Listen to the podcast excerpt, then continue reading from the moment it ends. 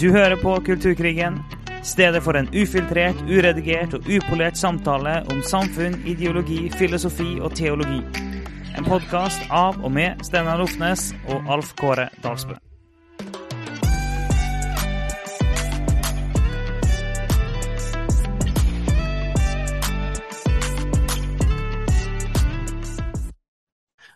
Eh, og så bruker man da ord, For det at man må bruke ord, fordi at sannheten er lagd av ord, så må du bruke ord for å dekonstruere den, og så skape en ny virkelighet gjennom ord. Så det betyr at å forandre betydningen av ord, det er noe vi har sett masse av, men òg å bruke ord som våpen.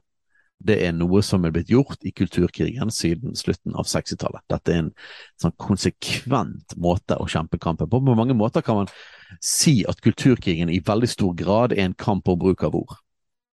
Ja, og, og at den har blitt drevet av ord som våpen hele veien. Eh, Så la oss, la oss ta en haug av de, da. Skal vi se om vi, noen av de vi har lyst til å hoppe inn i. Kan, vi kan ta det som har med rasisme og rase og sånn først å gjøre. Så du har ordet rasisme. Jeg vet ikke om noen har lagt merke til det, men ordet rasisme har blitt uh, Betydningen av ordet rasisme virker som har forandret seg Mm. i løpet av de, la oss si, ti siste årene, kanskje noe sånt som det. Nå betyr rasisme tydeligvis noe annet enn det gjorde før, når vi tanker på måten det ble brukt på. Så å si at noen er rasist, er jo en veldig vanlig sånn bruk av ord som våpen. Eh, kalle folk fascist, kanskje ikke like mye brukt i Norge som i, som i engelskspråklig verden, men der kaller de fascist, alt mulig rart til fascist. ja. Um, og så er det nazist. Jeg, jeg, jeg har sett på en del eh, Nå er ikke jeg veldig glad i denne gjengen Sian, eh, som er da anti-islamister. Altså de, de er mot, mot islam. den står ikke for det vi står for, det gjør de ikke. Nei, nei, al- al- altså, det vi er enige om, er at vi ikke er for islam. Ja, Fordi at vi er for eh, kristendom. Mm. Eh, men, men eh, de går jo gjerne lenger og misliker gjerne muslimer og sånne ting. Det får de stå for sjøl hva de egentlig mener og sånn. Men eh, de, de driver med, med eh, og ganske aggressiv islamkritikk, da, for å si det sånn. Mm. Men jeg ser at eh, når, når de har demonstrasjoner, så blir det mye trøbbel, og de prøver å lage trøbbel. Men jeg, eh, en ting som jeg har sett går igjen, jeg så fra demonstrasjonen i Bergen som ble ganske voldelig, så så jeg bildene derfra. Så en typisk sånn parole som ble brukt, er at ingen nazister i våre gater. Eh, og en, en, en eneste god nazist er en død nazist. Mm. Eh, og eh, punch a nazi, det har vært et sånt begrep som de bruker mye i USA. Så, og nok en gang, jeg er ikke veldig glad i Sian, det er ikke poenget her. Men teknisk sett er vel ikke Sian nazister. For nazist er jo faktisk et konkret begrep. Nasjonalsosialisme som er faktisk en egen ideologi. Um, og det finnes ingen bevis på at Sian er nazister. Nazister er noe konkret. Og en digresjon på det, da. Vi har jo, jeg og du og noen venner, vi har jo sammen vært i Auschwitz. Vi har sett hva nazisme fører til, helt konkret. Så det å bruke altså, Man skal være forsiktig med å bruke sånne ord, bare kaste ut. Vi, vi har vært der og sett eh, grundig gjennom hva fører nazisme til. Ja. Det er ikke det som Sian eller mange andre vil. Det, nazisme er en grusom, grusom ideologi. Eh, aggressiv is islamkritikk eh, er noe annet enn nazisme. Eh, men ved å bruke liksom, Ingen nazister i våre gater, så sier vi hvis vi definerer noen som en nazist, så har du per definisjon lov til å bruke alle midler. Ja. Fordi at da, hvis disse folkene får lov til å holde på, så fører det til et nytt holocaust. Så betyr det at vi har lov til å bruke vold, vi har lov til å bruke ekstreme virkemidler mot dem, for du definerer det som en nazist. Og hvis så de- bruk av ord, da. Og hvis, hvis de er nazist, da er de en undertrykker. Og hvis de er undertrykker, da kan vi slå opp og mot dem, og vi kan bruke alle midler for å overvinne dem.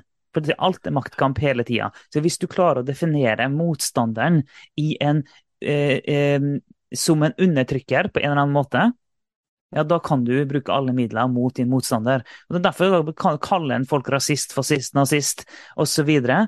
Uten at han har noen begrunnelse for å si det egentlig, men ved å bruke ordene og gjerne gjenta dem mange mange ganger, så får en etablert en, en sannhet med hermetegn, en virkelighetsforståelse om at den personen er det og det og det, eller de gruppene er det og det og det. De er undertrykkere, og hvis de er undertrykkere, da er vi undertrykt. Og hvis vi er undertrykt, da kan vi slå oppover. Og vi eh, kan bruke alle midler som er, eh, som er nødvendig, fordi at dette er en kamp, det er en krig. Objektiv sannhet finnes ikke. Det finnes ingen eh, felles grunn og, felles sannhet å komme fram til. Det er kun maktkamp, det er et nullsumspill. Enten vinner vi, eller så vinner du eller dere. Så her må vi bare kjempe med alle midler som er tilgjengelige, så lenge vi er undertrykt av dere som er undertrykkere. Så hvordan ser det ut? Hvis noen f.eks. ønsker begrenset innvandring, så sier man du er rasist. Mm. Eh, men rasismedefinisjonen er ikke å begrense innvandring. Det å mene at det er forskjellige etnisiteter Noen etnisiteter er mer verdt enn andre, så vi har ulik verdi. Mm. Det er rasisme. Men øh, å være imot fri innvandring, det heter noe annet. Det heter å være imot fri innvandring. Det er altså ikke det samme som rasisme. Men vi sier rasisme fordi at det bærer med seg historie. Det bærer med seg reell rasisme, som fortsatt fins, eh, men som tidligere tider var et mye, mye større problem. Altså man faktisk mente det at det fantes et hierarki av raser, der den ariske rasen Det er jo den hvite europeiske rasismen. Det finnes jo rasisme, massevis av rasisme i alle mulige slags land. Det, det skal sies. Husk det at rasisme ikke er en hvit konstruksjon. Ja. Rasisme er en menneskelig konstruksjon, og da tilbake inn til marxismen første andre episode, at eh, vi tror at alt kommer av synden. Ja. Eh, Det, det, det er der det kommer fra. Så eh, Kina har eh, sin rasisme. Alle mulige varianter har sin rasisme. Uansett, rasisme er noe annet enn å være imot innvandring. Du kan være imot innvandring fordi du er rasist, men det kan også være det at du er imot innvandring på grunn av helt andre grunner. Mm. For eksempel eh, tvilende til at det er en god måte å forbedre folks liv på, destabilisering av samfunnet, eh, manglende tro på at vi klarer å inkludere folk inn i samfunnet, osv. osv. Det kan være veldig mange grunner til å være imot fri innvandring, eh, eller ha forskjellige nivåer av hvor, mye, hvor, hvor fri innvandring du skal ha. Dette blir jo brukt ekstremt mye i Sverige, eh, og eh, andre ord som de bruker i svensk politikk er jo Brunblå allianser blir jo snakket om i forhold til Sverigedemokraterna. Brunblå betyr da blåe, det er altså Moderaterna og de høyrepartiene. Og de brune er altså Sverigedemokraterna. Brune er kommer fra brunskjortene. Ja. Eh, og nazistene i 30-tallet i Tyskland. Så man sier basically at de er nazister. Ja, og det må en huske at hver gang en bruker, ord, ø, ø, bruker brun i en sånn kontekst, så mener en alltid nazist. Av brunskjortene og den eh, assosiasjonen der. Sånn som det ble litt oppsyn av Abid Raja for en del år siden. Eh, kalt, jeg husker ikke hvem det var han retta imot, om det var Frp eller hva det var. Jeg husker ikke helt, men det var i hvert fall jeg tror det var Frp. Det var noen, jeg tror det. Han snakka om noe sånn her brunt grums, eller et eller annet han kalte det. At det her er noe brunt grums. Et eller annet sånt. Eh, Det ble litt sånn oppstyr rundt det, for da stempla han dem som nazister. Ja, og det er da Stormalbeitlung, hva det det het? Altså stå, eh, SA. Den Mm. paramilitære gruppen til, eh, til nazistene på 30-tallet. Så de gikk med brune skjorter, så derfor kaller vi det brun. Brunblå allianse. Eh, islamofob, det kunne vi tatt inn med det Messiaen, altså det er hat mot islam. Eller kanskje noen drar det til at det er hat mot muslimer. Eh, mens man kaller gjerne noe som kritiserer islam, som skal være lov innenfor eh, det demokratiske, liberale eh, ytringsfriheten skal det være mulig å kritisere alle mulige ideer og religioner og ideologier og filosofier, men hvis du gjør det, så får du gjerne ordet islamofob etter deg, altså en som hater. Um, og så har vi Ja, andre og, ting og rett så teknisk Ja. så vi er jo egentlig sånn Fob handler vel egentlig teknisk om frykt, men, Ja, eh, ja, men, men, men det Ja. blir jo brukt da som hat. Så når en sier homofob, så mener en homohater. Når en sier transfob, så mener en transhater, osv. Islamofob, så mener en is islamhater. Eh, Det, er Og det var kanskje den første måten det begrepet ble endret på, at det var frykt for til å bli hat mot. Ja. Og, og igjen, da, bare for å trekke den linjen litt tilbake til det vi snakka om, det med hvem en er. Sant? Eh, Så blir det jo da til at, eh, at eh, hvis vi da er uenig i islam, hvis vi er uenig i seksuell legning, eller vi er uenig i at det går an å skifte kjønn, ok, da er vi transfob, vi er homofob, vi er islamofob, og vi hater dem. For at det, hvis vi er uenige i deres identitet, så er vi uenige i hvem de er. Og hvis vi er uenige i hvem de er, ja, da mener vi at de ikke eh, kan eksistere. Og da, eh, og da kan de bare ta selvmord. Da har vi devaluert dem, for at vi er uenige i dem som hele deres eksistens. For at vi er uenige i deres følelser. Så vi hater dem og mener at de bare kan forsvinne. Det er det som blir argumentert mot. Og det er der mm. vi hele tiden vil si at nei, for vi, vi er totalt uenige i definisjonen av hvem en er. Ja, vi er uenige i, i filosofien bak. Mm. Vi er uenige i virkelighetsforståelsen. Vi hater ikke mennesker. Det er to helt forskjellige ting for oss. En ting som blir slengt mye, er ytre høyre. ytre høyre er liksom Det er noe du kan si til alle mulige da, som er bitte litt konservativ. Selv om du er supermoderat, nesten ganske sosial Nei, eh, til og med litt sosialdemokratisk, sentrum, veldig for det liberale demokrati, ikke ekstrem kapitalistisk eller ekstrem liberalistisk eller ekstrem konservativ eller eh, nasjonalistisk eller noe som helst. Du bare mener eksempel at eh, det finnes to kjønn.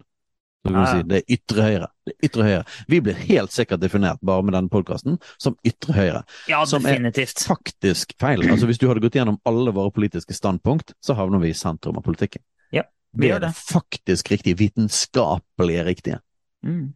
Men ytre høyre er maktspråk igjen. Det postmoderne maktspråk. Du kan definere noen som ytre høyre, hva betyr ytre høyre? Er det en forsiktig måte å si det at du er litt nazist. Ja, det, det er sånn Det er litt, litt nazist light.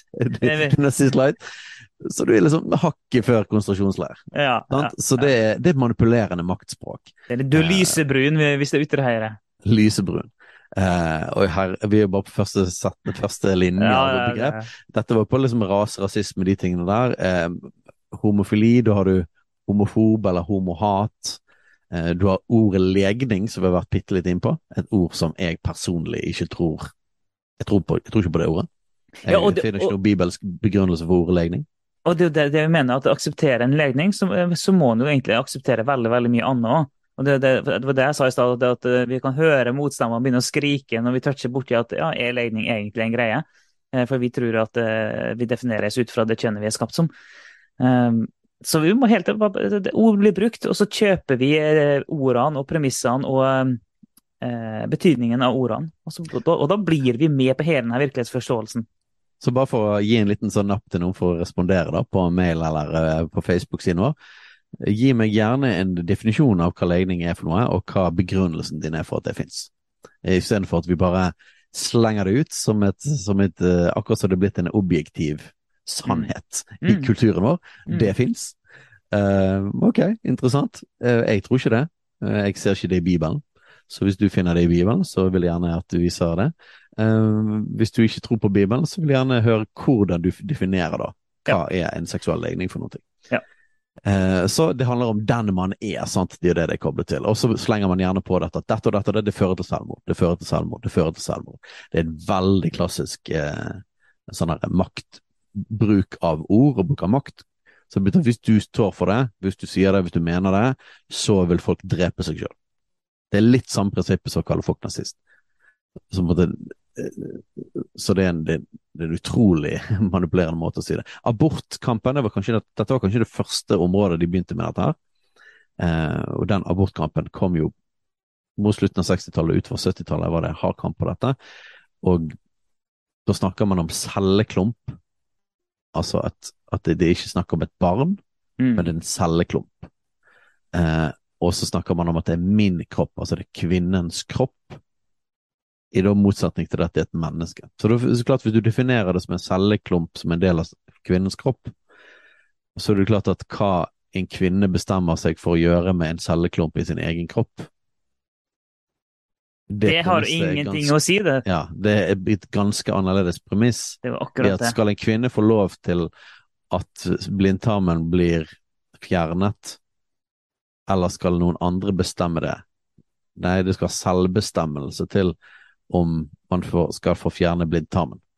Mm. Så hvis man ønsker å fjerne blindtarmen, så mener vi at det skal en, en selvbestemmelse. På det. Mm. Så hvis du definerer det som en e din egen kropp eller som en celleklump, så får det automatisk et resultat. Det er akkurat det, det, som er så viktig. Det er akkurat det som er så viktig, at hvis vi kjøper en del premisser her, for det er en del premisser som automatisk leder til et sted, og det er derfor vi bare sånn, vi, vi- må definere hva vi snakker om. Hele tida så må vi definere, ok, før vi helt tatt starter samtalen, hva mener du når du sier det? Det her er det jeg mener når jeg sier det. Så må vi hele tida trekke det der, for vi vi kommer ingen vei hvis ikke. Og ja, når en snakker om celleklump, og så kan en si embryo og foster, og embryo og foster er, jo litt mer sånn medisinsk riktig på én måte, men det er jo ingen som, eh, som er for abort, som vil ta ordet barn i sin munn. Når det gjelder, ja, ingen skal ikke si det. Det finnes noen som er litt mer redelige på det, men sånn stort sett, da. Eh, så, eh, så vil en ikke si barn i magen. Det vil en ikke si. En vil ikke si baby eller barn. Selv om det er rent biologisk, så er det en baby og det er et barn. Er det rent biologisk et embryo og et foster? Ja, det er jo på en måte det, eh, men eh, jeg, prøver hele tida å si barn og baby istedenfor å si foster og embryo, for det, det tar Det er en forvrengning av virkeligheten, vil jeg påstå. Det er et barn fra unnfangelsen av. Rent biologisk er det et barn fra unnfangelsen av, og da må vi holde fast ved det. Og, em, og rent sånn biologisk òg, når vi sier ok, en kvinnens kropp.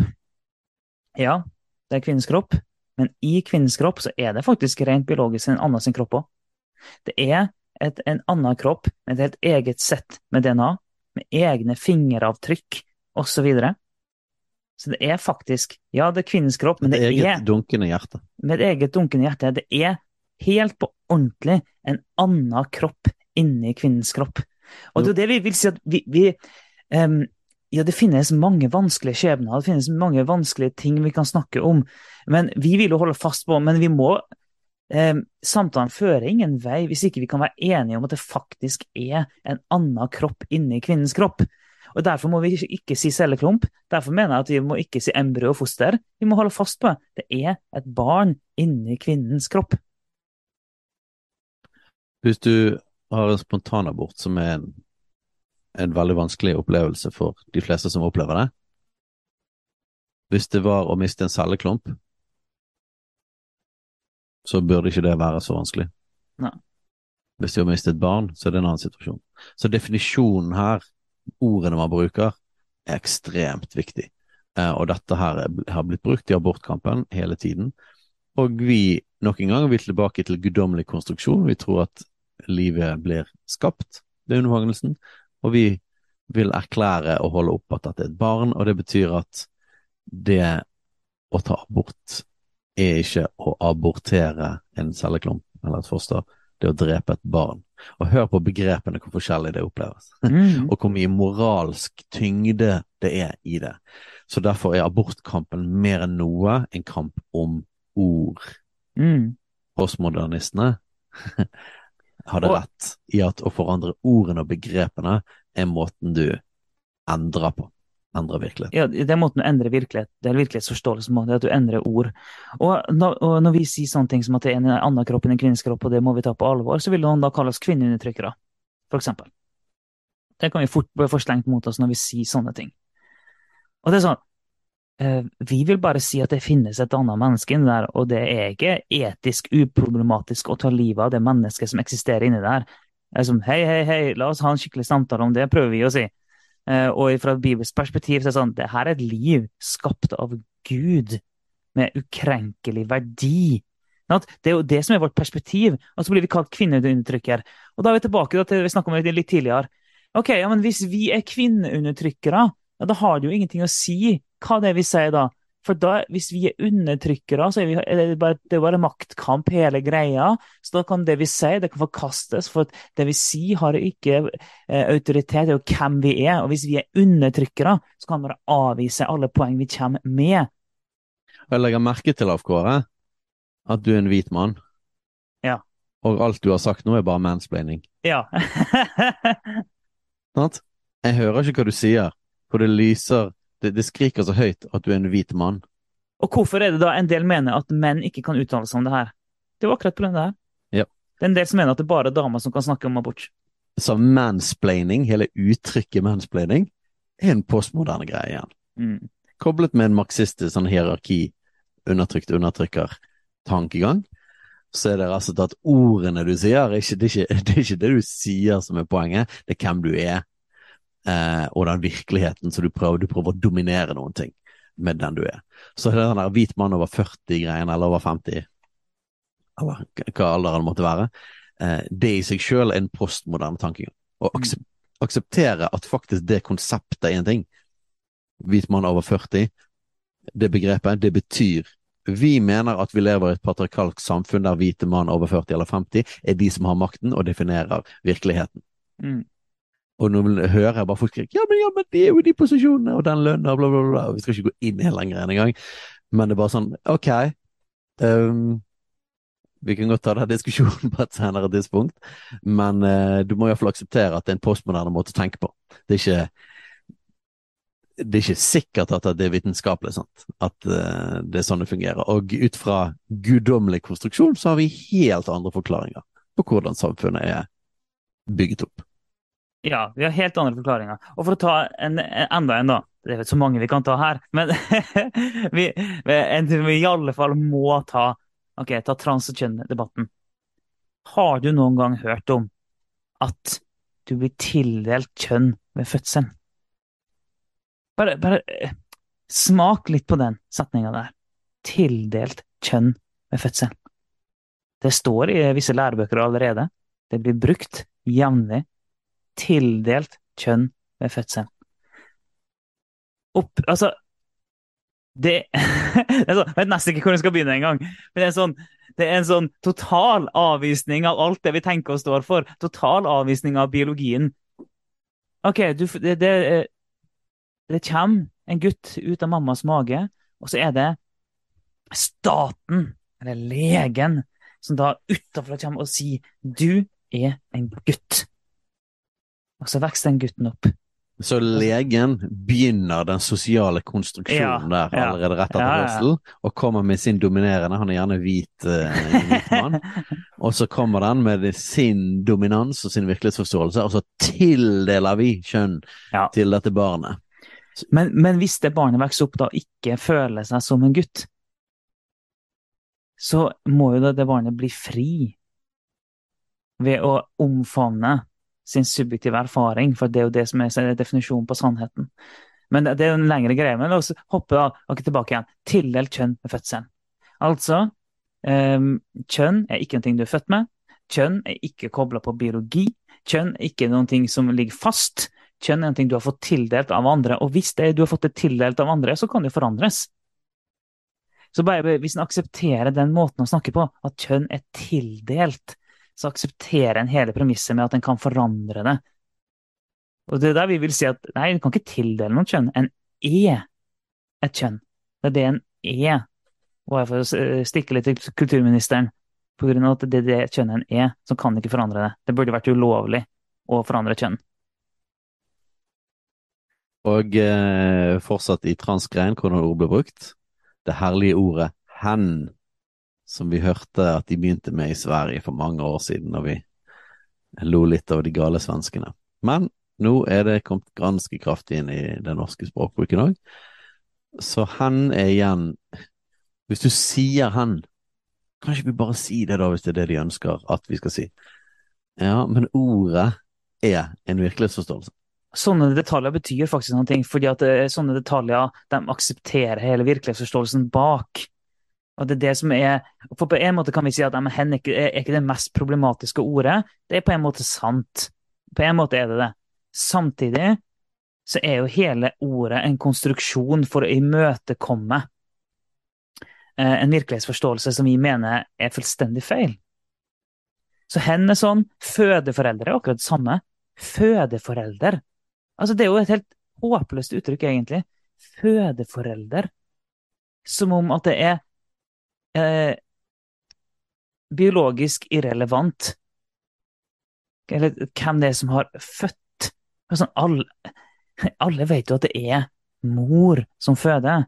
Det er en kvinne som føder. Så fødeforelder sånn, Nei, det er mor. Det er ikke forelder, det er mor. Og da kan man tenke at det, det, er så, det, er ikke så farlig, og vi må prøve å være inklusive. og inkludere, vi må ha mangfold osv. Og, så og vi må ta inn alle som føler det annerledes. Og vi er helt enige om at vi skal ha respekt for folk, vi skal elske folk, vi skal behandle folk godt, men vi kan ikke endre virkeligheten for å imøtekomme folks følelser. Det kan vi faktisk ikke gjøre. Så, så Sånne ord møter vi hele tida. Og uh, her er litt sånn Jeg eh, har jo masse juicy sider. Det kunne definitivt vært en podkastserie i seg sjøl. Det er fra læreboken til min datter fra hun gikk i fjerde klasse. Um, hele da kapitlet, og husk det alle som er her og alle som er foreldre, at uh, alle lærebøkene i Norge uh, Nå vet jeg ikke hva klassetrinn de begynner med, jeg vet de jobber med å få dette inn i barnehagen, jeg vet ikke hvor, de, hvor mye det er i barnehagen nå, jeg vet ikke hvor tidlig det er, men bare helt sånn personlig som far oppdaget jeg dette i min datters fjerde klasse. Uh, bok, et helt kapittel om kjønnsidentitet. Uh, og som det står her, uh, for å ta et annet begrep, da, cis-person. Mm. her står det at kjønnsidentitet er din egen opplevelse av å være jente, gutt eller noe annet. Hvis du identifiserer deg med det juridiske kjønnet du fikk da du ble født, Nettopp. er du cis-person. Hvis du identifiserer deg med et annet kjønn enn det du fikk da du ble født, så er du en transperson. Så, så, her står det altså i norsk lærebok for fjerde klasse det juridiske kjønnet du fikk eh, da du ble født. Så det ble tildelt ved fødsel. Ikke engang, men de hopper helt over biologi nå. Det var sånn, nei, det juridiske kjønnet du fikk. Ikke sant? Ikke, ikke sånn som du ble ja, skapt, ting da, men sånn som du ble født. Altså rent sånn biologisk. Bare hopper fullstendig bukk over det. Åh, det er så mye å gå inn her, vet du. Uh -huh. Ok, la oss hoppe videre til noe nå. Vi tar ord til. Um, så ja. Føde for alle hands transfob fører til selvmord, blir brukt veldig mye på den saken òg. Eh, dette ordet må vi òg ta, vet du. Dette, jeg, tror, jeg tror dette er det ordet som ble absolutt aller mest brukt i kulturkrigen i Norge i dag. Kjærligheten. Å ja. Har, og Vi kunne kommet med så mye eksempler, men jeg tok bare et lite skjermbilde fra Vips, for hvis man vipser til noen i, i uh, pride-måneden, så er ikke det helt nøytralt å drive og vipse. Det er ikke verdinøytralt vipsing lenger. Da kommer det en svær sånn fane i begynnelsen, der står det 'På lag med kjærligheten bidrar nå'. Hvis du trykker på den, så er det sånn direkte link, så du kan uh, gi penger til Pride-kampen. Uh, og det er vel Foreningen FRI som står bak, regner jeg med. Men så det er å få være på lag med kjærligheten. Oi, ja, men det var jo fint, da. Og i forbindelse med den forferdelige terroraksjonen som var i Oslo, der noen ble eh, skutt og døde, eh, og pride-markeringene som har vært i etterkant, så er dette begrepet blitt brukt masse. Kjærligheten. På lag med kjærligheten. Friheten til å elske. Mm. Og du tenker ja, men er det så fælt, da? Ok, men tenk deg her hva dette impliserer. Det vil altså si at hvis du er uenig i den virkelighetsforståelsen Så du er ikke mener, på lag med kjærligheten lenger? Du er, ikke, du er ikke på lag med kjærligheten. Du er altså mot kjærligheten. Mm. Og da ligger jo ord som hat, hater, hatprat ligger jo ganske Et homo-hater, det ligger ganske nærmt. Så det å være når du definerer kjærligheten som det som er under regnbueflagget, så kjærligheten, friheten til å elske den man vil Ønsker vi at det skal være frihet for å elske den man vil? Ja, det gjør vi. Hva er å elske den man vil? Hvordan definerer du det? Mm. Å kunne definere en kristen hva det er å elske hvem man vil. Hva, hva definerer vi kjærlighet som? Dette må vi sikkert ha en egen episode på. Kjærlighet. Hvordan definerer Bibelen kjærlighet? Ja, det, det, det, står det faktisk mellom. Ja, vi, vi, må nok ta det som en helt egen episode etter hvert, for det, er så svært. Og hvis vi toucher inn på det nå, så er det ikke nærheten nok. Men en bibelsk forståelse av kjærlighet skiller seg jo fra den eh, definisjonen av kjærlighet som sirkulerer i dag. Og igjen, det er jo fordi at eh, definisjonen av kjærlighet som sirkulerer i dag, den er jo, eh, den er jo selvsentrert den er jo definert ut ifra eh, personen sjøl. Den er jo definert ut ifra ens egne følelser. Det er jo sånn kjærligheten er definert i dag. Og vi vil jo si at det er ikke kjærlighet. En ting er at Bibelen sier Gud er kjærlighet, ja det er den, og vi, og vi så kjærligheten personifisert på jorda gjennom Jesus, for Jesus er et bilde på Gud. Og så kan vi trekke de linjene mer og mer ut da, for å vise til hva er en kristen forståelse av kjærlighet. Ja. Og kanskje den, det som krasjer aller mest i kjærlighet, forståelsen av ordet kjærlighet, er det at ifølge Bibelen så inneholder kjærligheten òg grenser. At det finnes noe som er rett og galt. Og offer. Ja. Som betyr det at vi mener ikke at det er motsatt av kjærlighet å si at noe ikke er greit å gjøre. Mm. Eller at det finnes grenser for vår seksuelle utfoldelse, for eksempel. Mm. For oss er ikke det det motsatte av kjærligheten.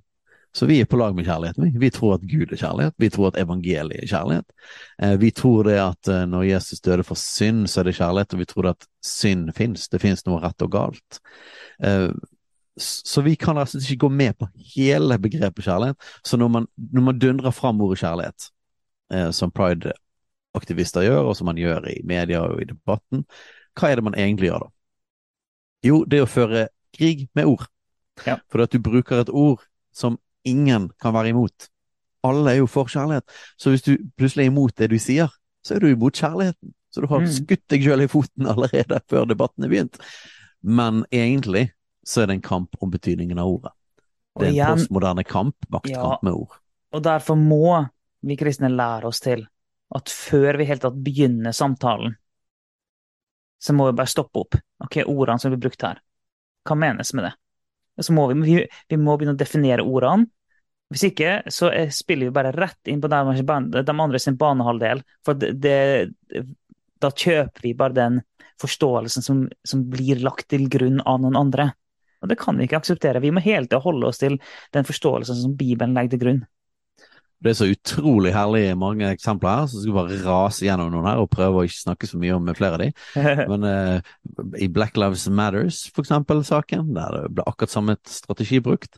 Black Lives Matters. eh, Svarte menneskers liv betyr noe. Ja, selvfølgelig er vi enig i det, men det at eh, organisasjonen er en marxistisk organisasjon som mener at hele samfunnsstrukturen er, ja, det er strukturell rasisme, at vi må rive ned hele samfunnsstrukturen, og vi må rive ned kjernefamilien, og vi må, det finnes rasisme i all kommunikasjon, og basically alle hvite er rasister.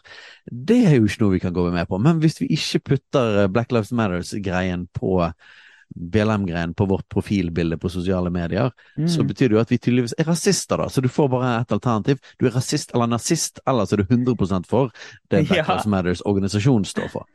Det er igjen maktbruk med ord. Det er det, og her vil noen kristne tenke ja, men det er ikke, det er ikke så viktig, det der detaljer, det der semantikk osv. Noen vil kunne hevne sånne ting. For det var mange kristne som slang opp eh, Black Lives Matter-hashtags og bilder og sånn etter at George Floyd var drept. Eh, Det var mange kristne som gjorde det. Vi gjorde ikke det, og vi gjorde det ikke av denne grunn. For det, det er, det, Black Lives Matter står for så mye som er totalt umulig for oss å gå god for. Og så vil noen si ja, men eh, Nei, men jeg, jeg står ikke for det, jeg heller, men jeg har lyst til å stå opp mot rasisme. Fantastisk at du har lyst til å stå opp mot rasisme. Det er riktig, det er bra, men gjør Yes. det på riktig måte, og ikke ubevisst kjøp tankegods og virkelighetsforståelser som er direkte i strid med Guds ord. Bruk Martin Luther King, vi har sitert han før. Ja, ja, Bruk. Martin Luther King. Bruk den liberale forståelsen av antirasisme. Det kan du godt bruke, det krasjer ikke med den kristne forståelsen. Mm. Eh, bruk den humanistiske motstanden mot rasisme. Den er heller ikke mot kristendommen. Eller Mm. aller, aller helst bruk Gud skapte oss i hans bilde. Eh, Det finnes ikke jøde eller greker eller slave eller fri, vi alle etter Kristus. Eh, bruk den kristne, de kristne sloggene, de kristne verdiene, menneskeverdet, til å snakke om mot rasisme. Ikke hiv dere på en en bølge i kulturkrigen som, der man bruker ord som betyr noe helt annet enn det. Så her har vi white privilege, det blir ikke brukt så mye på norsk, det er jo enda flere av disse ordene i på engelskspråklig. Eh, en, en annen ting, liksom, det er ikke ideologi, det er menneskerettigheter. det blir jo Mm. brukt av pride-aktivister, eller mange andre i samfunnet òg. Det, det, det er ikke snakk om ideologi, det er menneskerettigheter. Ok, vi kan ikke gå inn på den engang, men, Men, men, men, men like, bare litt bare, Ja, ok, jeg, du må, jeg, må, jeg, må, jeg må, for den ble brukt så mye. Den ble brukt så mye!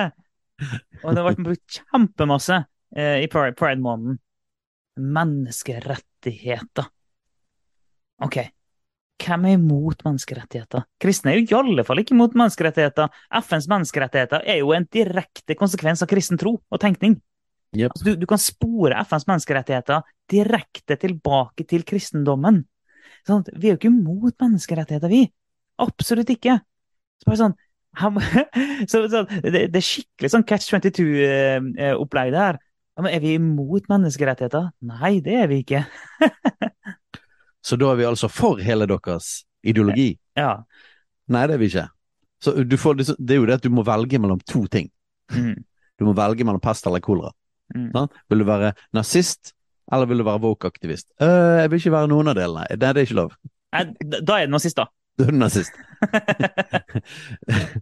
Ok, la, la, la meg si vi, eh, Jeg vet at av og til når vi snakker om så, uh, så ler vi litt og tuller litt og sånn.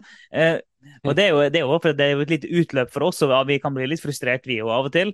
Eh, og det er noe som er veldig direkte, direkte komisk. Men la meg likevel understreke vi mener ikke at folk er dumme. Vi forsøker ikke å latterliggjøre noen. Det er ikke det vi ønsker, det er ikke det vi driver på med. Eh, men vi, er, men vi, er, vi er veldig opptatt av, av denne ting her. Det er vi. Det vi absolutt mener, er at uh, kulturen vår er preget av en ideologi og en filosofi. Ja. Flere selvfølgelig, men denne ideologien og filosofien spesielt i kulturkrigen. Mye mer enn vi tror. Vi kristne er preget av det, og samfunnet er preget av det, og vi har et behov for å gå under Ja. og se på, på de tingene. Og vi kan ikke kjøpe premissene eller måten ting blir snakket om eller diskutert. Ja, masse andre ord. Mangfold, toleranse, marginalisert gruppe.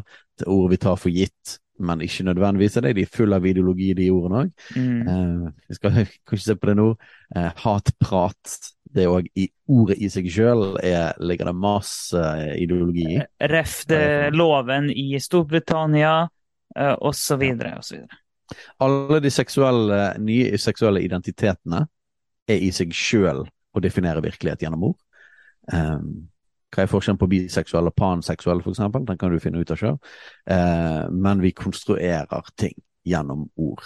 Så alle de seksuelle identitetene er en del av dette. Så er det noe som heter aldersdiskriminering, eller på engelsk ageism. Ja, skal ikke gå inn i det. Altså, du, uh, Mørkemann, holdninger fra middelalderen. Hallo, vi er jo i 2022. Det er en veldig klassisk ting òg. Retorisk grep. Bruke ord som makt og som våpen i en maktkamp, er det å slenge ut de tingene. Kan du definere noen som en mørkemann, så trenger du ikke høre på det de sier. Eller ta argumentene på alvor. Nei, du gjør ikke det. Uh, kulturell appropriasjon App Vil du si mer om det? Nei, nei, nei, vi, vi, vi kan ikke, for da, da blir episoden her tre timer. Men ja, kultur, du har kultur, kulturell appropriasjon og dekolonisering og du har alle mulige sånne ting. Hvit eh, begreper som ytringsfrihet er en myte. Du var inne i ytringsansvar. Mikroaggresjon. Uh, er det uendelig sånne ting. Eh, Men sant, vi har jo en podkast vi kan holde på i mange år, og det skal vi helt sikkert. Så der kan vi komme helt sikkert inn i flere av disse tingene. Vi, vi Men, gjør helt eh, sikkert det. Jeg vil bare ta det et sitat, for vi snakker om det med eh, ikke ideologi, men menneskerettigheter. Så er det et sitat fra eh, ledere av eh, Åpen folkekirke, eh, han Gard Sandaker Nilsen. Han sa jo det. Pride er ingen ideologi, men det er en kamp for frihet. Og bare sånn, Hvem er imot kamp for frihet? Vi er jo ikke, vi er jo ikke nei, nei, nei, vi er ikke imot frihet, vi. Men da blir jeg igjen sånn Ok, men hva er frihet, da? Hva er definisjonen av frihet? Yes. Og at det er ingen ideologi. Ja, nei, det faller på sin egen urimelighet. Vi tror jo òg det. Vi, vi kaller ikke kristendommen for en ideologi, men, men vi er enig i det at det er en, tank, en, en virkelighetsforståelse. Ja, det er Det det. er på samme måte som en ideologi eller en filosofi. Det, er- det, det, det er på en måte et, et komplett system eh, av verdier og, og, og, og sannheter eh, som kan du si står på linje med ideologier. Så vi nekter ikke for at kristendommen er tilsvarende en ideologi eller en filosofi. Men la, oss- la oss si sånn. det. Ja, la oss si det sånn. Det er umulig å leve uten et verdensbilde. Uten en måte å forstå virkeligheten gjennom. Uten et filter å tolke. Det er helt umulig. Alle mennesker har det. Det er bare at vi, vi forsøker hele tida å ha en kristen virkelighetsforståelse, et kristent verdensbilde. Og vi mener at alle har et verdensbilde. Ja, så vi er rett fram hele tiden. Vi snakker ut fra Bibelen, vi snakker ut fra en kristen virkelighetsforståelse. Vi tror at det er objektiv sannhet, og vi står for det. Du kan være uenig med det, du kan bli sint på oss for det, du kan synes at vi er idioter. Det er helt greit, men vi står for det. Og vi har et fundament for det vi står på. Det som vi ikke synes er greit, er at andre i denne debatten sier at de tror ikke på noen ideologi, eller de tror ikke noe på filosofi. De bare tror på menneskerettigheter. Det gjelder bare frihet og kjærlighet. Og Mm. Vel, du må definere hva de ordene betyr. Med en gang du begynner å definere hva de ordene betyr, så er du inne i filosofiens og ideologiens verden. Ja, ja, Du har en virkelighetsforståelse, og den kjemper du for. Det er en fair ting. Kjemp på virkelighetsforståelsen din, ja. men ikke lat som at ikke dette er en kamp mellom virkelighetsforståelser. For det er det, det, er det en kulturkrig er. Eh, Vær en redelig på det. virkelighetsforståelser. Ja. Nettopp, vær redelig på det, da. Og det er derfor vi kaller det kulturkrigen, for det er en kamp mellom virkelighetsforståelser. Så vær i det minste redelig på at det er det det er, og ikke prøv å si at det her er nøytral grunn. Og prøve å si at eh, ja, frihet, menneskerettigheter, kjærlighet, det er nøytrale ting, og som alle er enige om, og at du står bare på nøytral side, og alle som er imot, eh, mot din definisjon av det, er dermed utafor. Nei, nøytralitet finnes ikke. Nøytralitet er en illusjon. Eh, det, vi snakker om hvordan eh, postmodernismen snakker om eh, eh, maktkamp mellom, og det med virkelighetsperspektiver og sånn. På en måte så er- har jeg jo litt rett, da.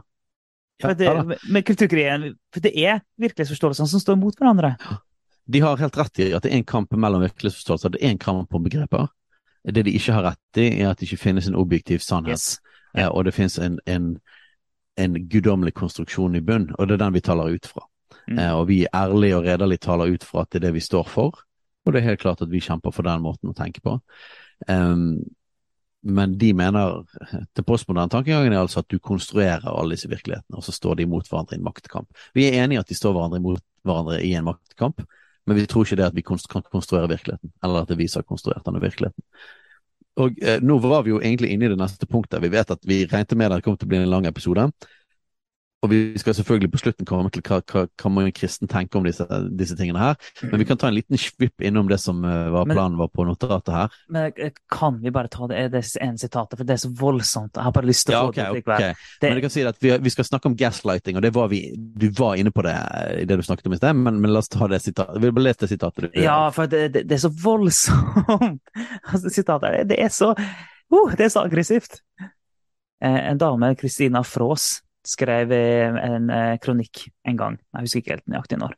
Men her er et, eh, et utsnitt fra den eh, kronikken. Den skrev hun Vi må slutte å godta religion som unnskyldning for hat. Bare tenk på alt det vi har snakka om. Sånn, Vi må slutte å godta religion som unnskyldning for hat. Nei, det er ikke Gud som avskjer homofili, det er du. Voksne som lærer barna sine at skeiv kjærlighet er synd, begår grov omsorgssvikt. Det er på tide å si det som det er. Det må tidlig krøkes som god homofob skal bli. Sånn, det er så voldsomt, da! Så bare sånn oh, OK, unnskyldning for hat, avsky homofili, Check. eh, eh, grov omsorgssvikt. Yes. Skeiv kjærlighet. Ja. Så bare, så, bare tenk på alt det vi har snakka om, og tenk på det, på det her avsnittet her. Så det er full av ideologi. Det det. Ja, full av ideologi. Eh, og det er full frontalbruk av ord som våpen Ja. for å definere en meningsmotstander. Eh, så istedenfor å snakke om innholdet av det vi er uenig i, så slenger vi heller begreper. Ja. Og dette prøver vi virkelig å unngå. Noen vil jo påstå, og eh, det finnes krefter i kulturkrigen på andre siden, jeg kan si konservativ høyreside, eller, eller mer mot faktisk lenger ute, ute- jeg vil ikke si ytre høyre engang, men, men mer populistiske høyre og de tingene, så finnes det en del som har kastet seg inn i denne kulturkrigen med samme våpenbruk, bare fra andre siden, Mm. og skyter tilbake igjen. Eh, på akkurat samme måten og bruker begreper og kaster ting over. Det ønsker vi ikke å gjøre. Vi ønsker ikke å bruke begreper her for å bare male opp falske bilder, så kan vi skyte på det falske bildet. Vi ønsker ikke å lage stråmenn. Eh, klart vi, vi er begrenset i vår kunnskap og forståelse av disse tingene, men vi ønsker så ærlig som mulig å representere disse forskjellige ideologiene, selv om de er forenklet.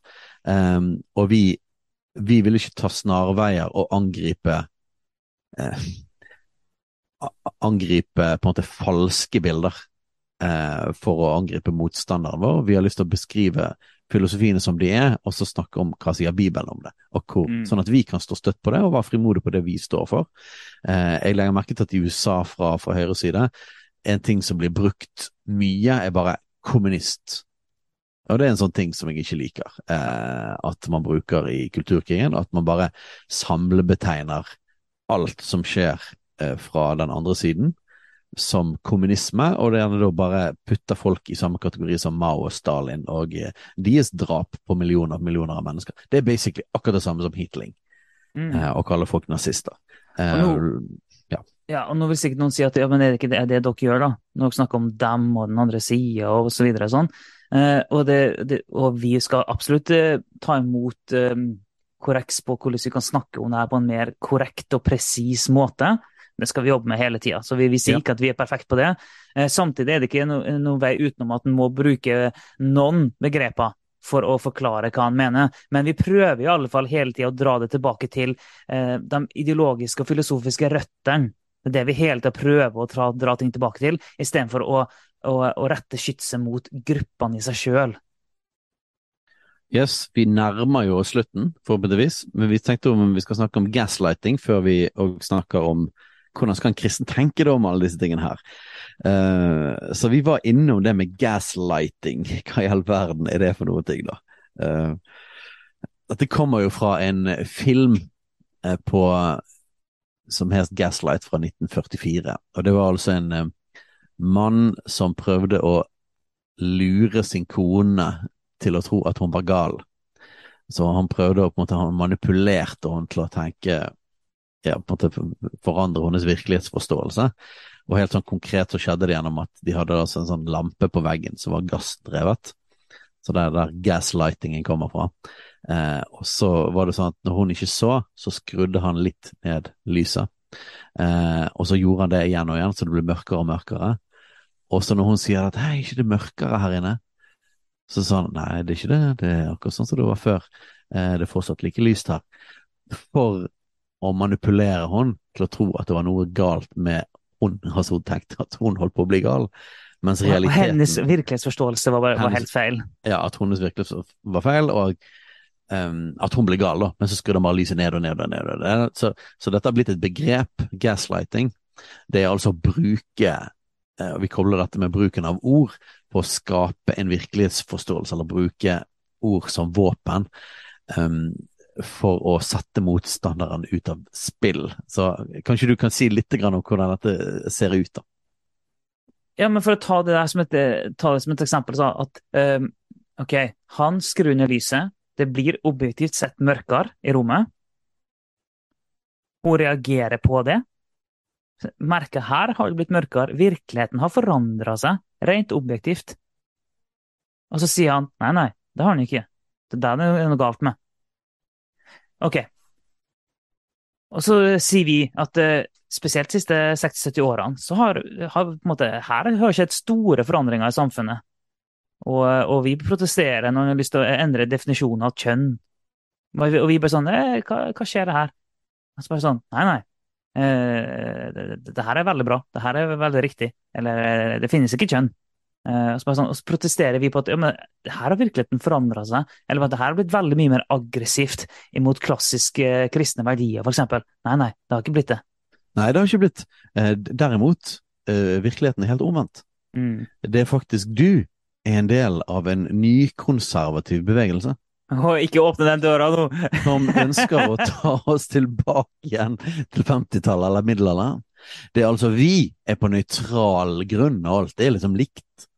Men du er en angripende part. Du har startet kulturkrigen. Det finnes ingen kulturkrig. Eller hvis det finnes en kulturkrig, så er det iallfall ytre høyre som har skapt denne kulturkrigen, ved at dere prøver å dra oss tilbake igjen til gamle dager.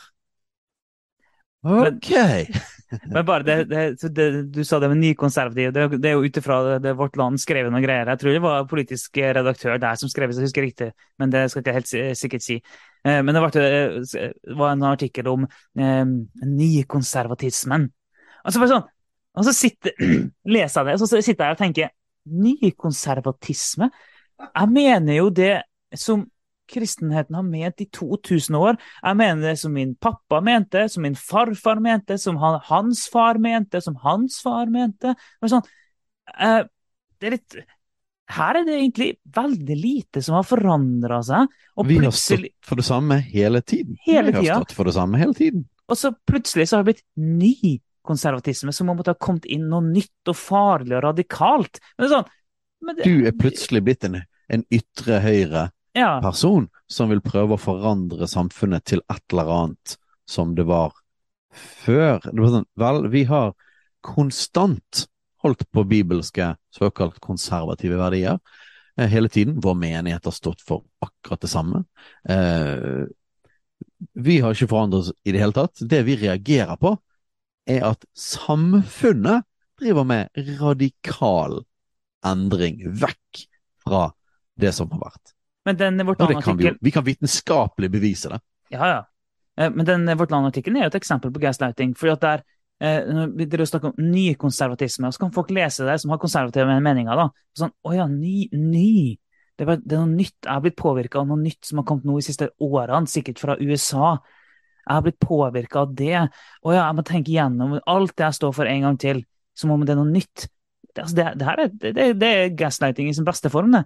Men For, for vi bare, vi her i samfunnet nemlig, så står vi bare for nøytralitet. ja, Vi står for frihet, vi står for kjærlighet, vi står for menneskerettigheter, og det har vi hele tiden gjort. Det har ikke forandret seg i det hele tatt. Og så er bare sånn hei, hei, hei, øh, stopp opp litt. Grann. Så du mener at siden 60-tallet så har det ikke vært endringer på noen ting? Altså, det har ikke vært endringer i kjernefamilien. Det har ikke vært endringer i skilsmissestatistikken. Det har ikke vært eh, endringer i kvinners rettigheter. Eh, så du mener at eh, homokampen har ikke vært eller hatt noe resultat i samfunnet? Det har ikke vært en endring av lover. Det har ikke vært en endring av, av eh, den allmenne forståelsen av seksuell identitet eller noe i det siste kjønn. Det har ikke vært en endring på noen av disse tingene. Det har ikke skjedd. det, det, du gidder ikke diskutere mot engang, for det, det faller på sin egen urimelighet. Men dette blir brukt som igjen et retorisk våpen mot hva du si, kristkonservative eller andre som vil stå for, for mer klassiske verdier, til å si det at det er dere som driver og angriper. Ja. Det er dere som driver og, og lager denne kulturkrigen. Det er dere som driver og herjer og fyrer på. La oss være i fred med nøytraliteten og kjærligheten vår. Så det er bare sånn, hei, hei, hei, hei. altså, Hele denne podkasten er basert på at vi helt bestemt mener det at du vet hva, det finnes en angripende part her, mm. eh, og det er ikke de kristenkonservative. Nei, det er ikke det. Og, vi vil jo påstå at, eh, at vi står der som eh, vi har stått hele veien. Vi står der som kristendommen har stått i alle år. Så det å snakke om at kristne er aggressive og angriper og sånn, det er gaslighting, det. Vi står akkurat der vi har stått i, i de her verdispørsmålene. Så eh, dette kunne vi også snakket mer om, men gaslighting er òg en av disse her retoriske, postmoderne strategiene Mm. for å stoppe munnen Og igjen, så er det, noen bruker det helt sikkert bevisst, men vi påstår ikke at alle bruker det bevisst. Det påstår vi ikke, men vi påstår at den har blitt påvirka av postmodernistisk tankegang i så stor grad at den ubevisst har å bruke sånne typer verktøy og metoder. Og ubevisst rettferdiggjør det. Det er det vi mener. Så vi etterlyser en fair diskusjon Mm. der vi alle kan stå for, og frimodig stå for det de mener, og så kan vi diskutere ideene i seg sjøl. Mm. Men denne her postmoderne manipuleringen, forandringen av definisjoner av ord, bruk av ord som makt, gaslightingen, eh, er retoriske, manipulerende virkemidler som er utrolig provoserende. Mm. Eh, fordi at Forfølg oss gjerne for det vi står for, ja. men ikke mal opp et falskt bilde av virkeligheten og forfølg oss for det. Altså, det, det er jo klassisk stråmann. Du, maler, du setter opp en stråmann som du kan slå ned rett etterpå. Det er det politikerne gjør hele tida. da. Men sant, du Yes. setter opp en stråmann, påstår at uh, konservative kristne mener det her og det her, og så, og så gjør det veldig enkelt for deg sjøl å bare slå ned den stråmannen med en gang. Så jeg, si, jeg går gjerne i fengsel for, for kristendom og for kristen tro, for en etterfølgelse av Jesus. Jeg har ikke lyst til å gå i fengsel fordi de sier at jeg er nazist. altså, Ja. det, det er litt sånn Ta oss for det vi er, Ja. eh, og la oss ha en fair debatt. Og dette går jo inn i da liberalisme, eh, og i, i, i moderniteten så var det i alle fall en debatt på likere premisser eh, og, og sannhet. Men postmodernismen har endret hele debattklimaet, og kulturkrigen er veldig preget av det, der det ikke er snakk om logiske, rasjonelle argumenter mot hverandre, fordi at postmodernismen avviser at det fins logiske, Mm. rasjonelle argumenter eller objektiv sannhet, så det handler om makt, og det handler om å bruke ord eh, som våpen i en maktkamp. Ok, så la oss prøve å lande det her litt eh, i eh, hva Guds ord har å si, da. Så kan prøve å lande litt der. Det, det, det er et godt sted å lande. Yes, Det- har vi. Nå føler jeg vi virkelig har banket på denne her greien sånn, Ja, med, med ja. ord. Så for sånn, Skapes virkelighetsforståelse gjennom eh, ord og måten å snakke på? Ja, det gjør det. Altså Virkeligheten objektivt forandres ikke, men virkelighetsforståelse skapes absolutt gjennom måten å snakke på. Og påvirker mennesker gjennom måten å snakke på. Det er helt sant. Og Derfor er det helt avgjørende at vi kristne snakker i tråd med Guds ord. Så Den postmoderne bruken av ord for utemakt makt er egentlig bare en forvrengning av at Gud skapte med ord. Eh, Så da må vi helt tatt tenke ok, ordene jeg nå bruker, er de i tråd med Guds ord? Meningene mine, det jeg påstår, det jeg sier, det jeg hevder, er det i tråd med Guds ord? Det må vi kristne hele tiden vi må dra det tilbake til det der. Vi må ikke la oss sluke av andre typer ideologier, men helt å gå tilbake til ok, måten jeg snakker om kjønn på, måten jeg snakker om homofili på, måten jeg snakker om abort på, måten jeg snakker om ditt og datt på, måten jeg snakker om det på, er det i tråd med Guds ord? Jeg må helt tiden forme min måte å snakke på etter Guds ord. Å lære å avsløre og vite det at ord blir brukt som våpen. Dette er en postmoderne strategi. Det betyr at ta ikke for gitt at vi snakker om det samme. Ta ikke for gitt at vi diskuterer innenfor samme virkelighetsforståelse. Ta det en etasje ned og snakk om grunnleggende bibelske verdier og virkelighetsforståelse. Gjør deg trygg på Bibelens virkelighetsforståelse. Gå til Ikke ta ord og begreper for gitt, for eksempel 'den du er', som eksempel fra Trettebergstuen. Ja, ja. Nei, ikke bare hør på hva en minister sier eller definerer hvem du er, eller hva seksuell eh, identitet er for noe. Gå til Bibelen og finn ut hva den sier om seksuell identitet. Eh, så hele tiden, la oss være aware, la oss være vare, la oss være bevisst av at disse strategiene brukes. Og hvis disse ordene blir en del av menighet og vår måte å tenke på og snakke om, så er vi allerede minst halvveis over til å skifte meningene våre. Ja. Eh, så pass på begrepene, eh, og sørg for at begrepene er bibelsk ladet. For vi tror ikke at vi konstruerer virkeligheten gjennom ord, men vi tror at Gud har konstruert verden. Og Og at vi- Guds ja. Ord er sannhet. Og at vi skal snakke på en måte som er i tråd med den virkeligheten som Gud har konstruert. Yes. Så Gud sa 'bli lys', og det ble lys. Mm. Og det betyr at ja, verden ble faktisk konstruert ved ord. Ja. Tenk det, du. Her hadde faktisk postmodernistene rett i noe. Men forskjellen er den at vi driver ikke og fortsatt konstruerer verden med ord. Vi kan, for, vi kan konstruere vår forståelse av verden, Mm. men verden er virkelig. Det fins en objektiv virkelighet, og den er det vi forholder oss til. Så vi vil snakke som Gud. Vi vil forholde oss til det han har skapt, og det han talte en gang. Det vi ikke vil være, er å late som at vi er Gud, Mm. eh, og drive og tale på tvers av Guds ord, men å prøve å skape våre egne virkelighetsforståelser. Hm, jeg lurer på hvem som kom på dette her med å ville være Gud og skape sin egen virkelighet. Kan det kanskje være djevelen? Det virker som at i hele kulturkrigen og disse ideologiene, så virker det som vi kommer egentlig ned til noe veldig, veldig grunnleggende. Nemlig at djevelen han ville være som Gud. Og eh, han var den første som begynte å vri på ord og betydninger. Har Har Gud virkelig sagt? at dere skal dø om dere spiser av alle trærne? Nei, nei, nei, nei. Uh, nei, bare det ene treet. Å ja, nei, men Og så begynner eh, og så begynner djevelen å vri på ord og, og, og, og snu på ting. Vi ser det samme når djevelen eh, møter Jesus i ørkenen for å friste han. Så bruker han ord, han bruker til og med bibelvers, og så prøver han å vri på det. Du som er Guds sønn, du må vel kunne Kan ikke du bare si til dette her, eh, denne steinen at den skal bli eh, til brød? Hva er det djevelen sier da? Eh, Hvis du er enig i at du er Guds sønn, så må du gjøre det jeg sier. Mm. Men så var det jo sant at han var Guds sønn. For eksempel eh, kjærligheten. Vi bare står på kjærlighetens side. Eh, hvis du skal være imot det vi sier, så må du være imot kjærligheten.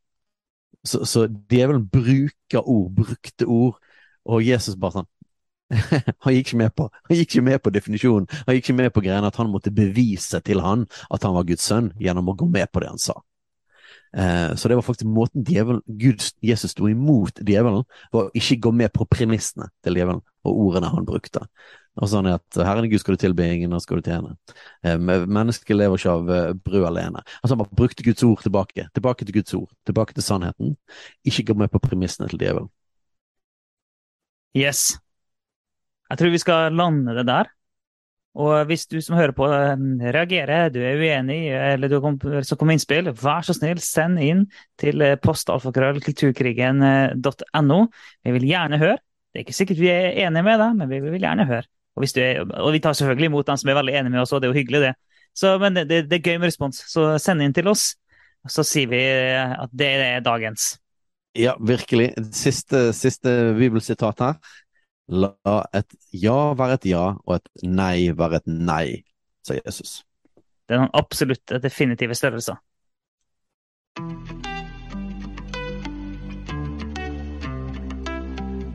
Takk for at du lytter på Kulturkrigen. Om du har tilbakemeldinger, spørsmål, hva som helst egentlig, send inn til post alfakrøll kulturkrigen.no eller på sosiale medier.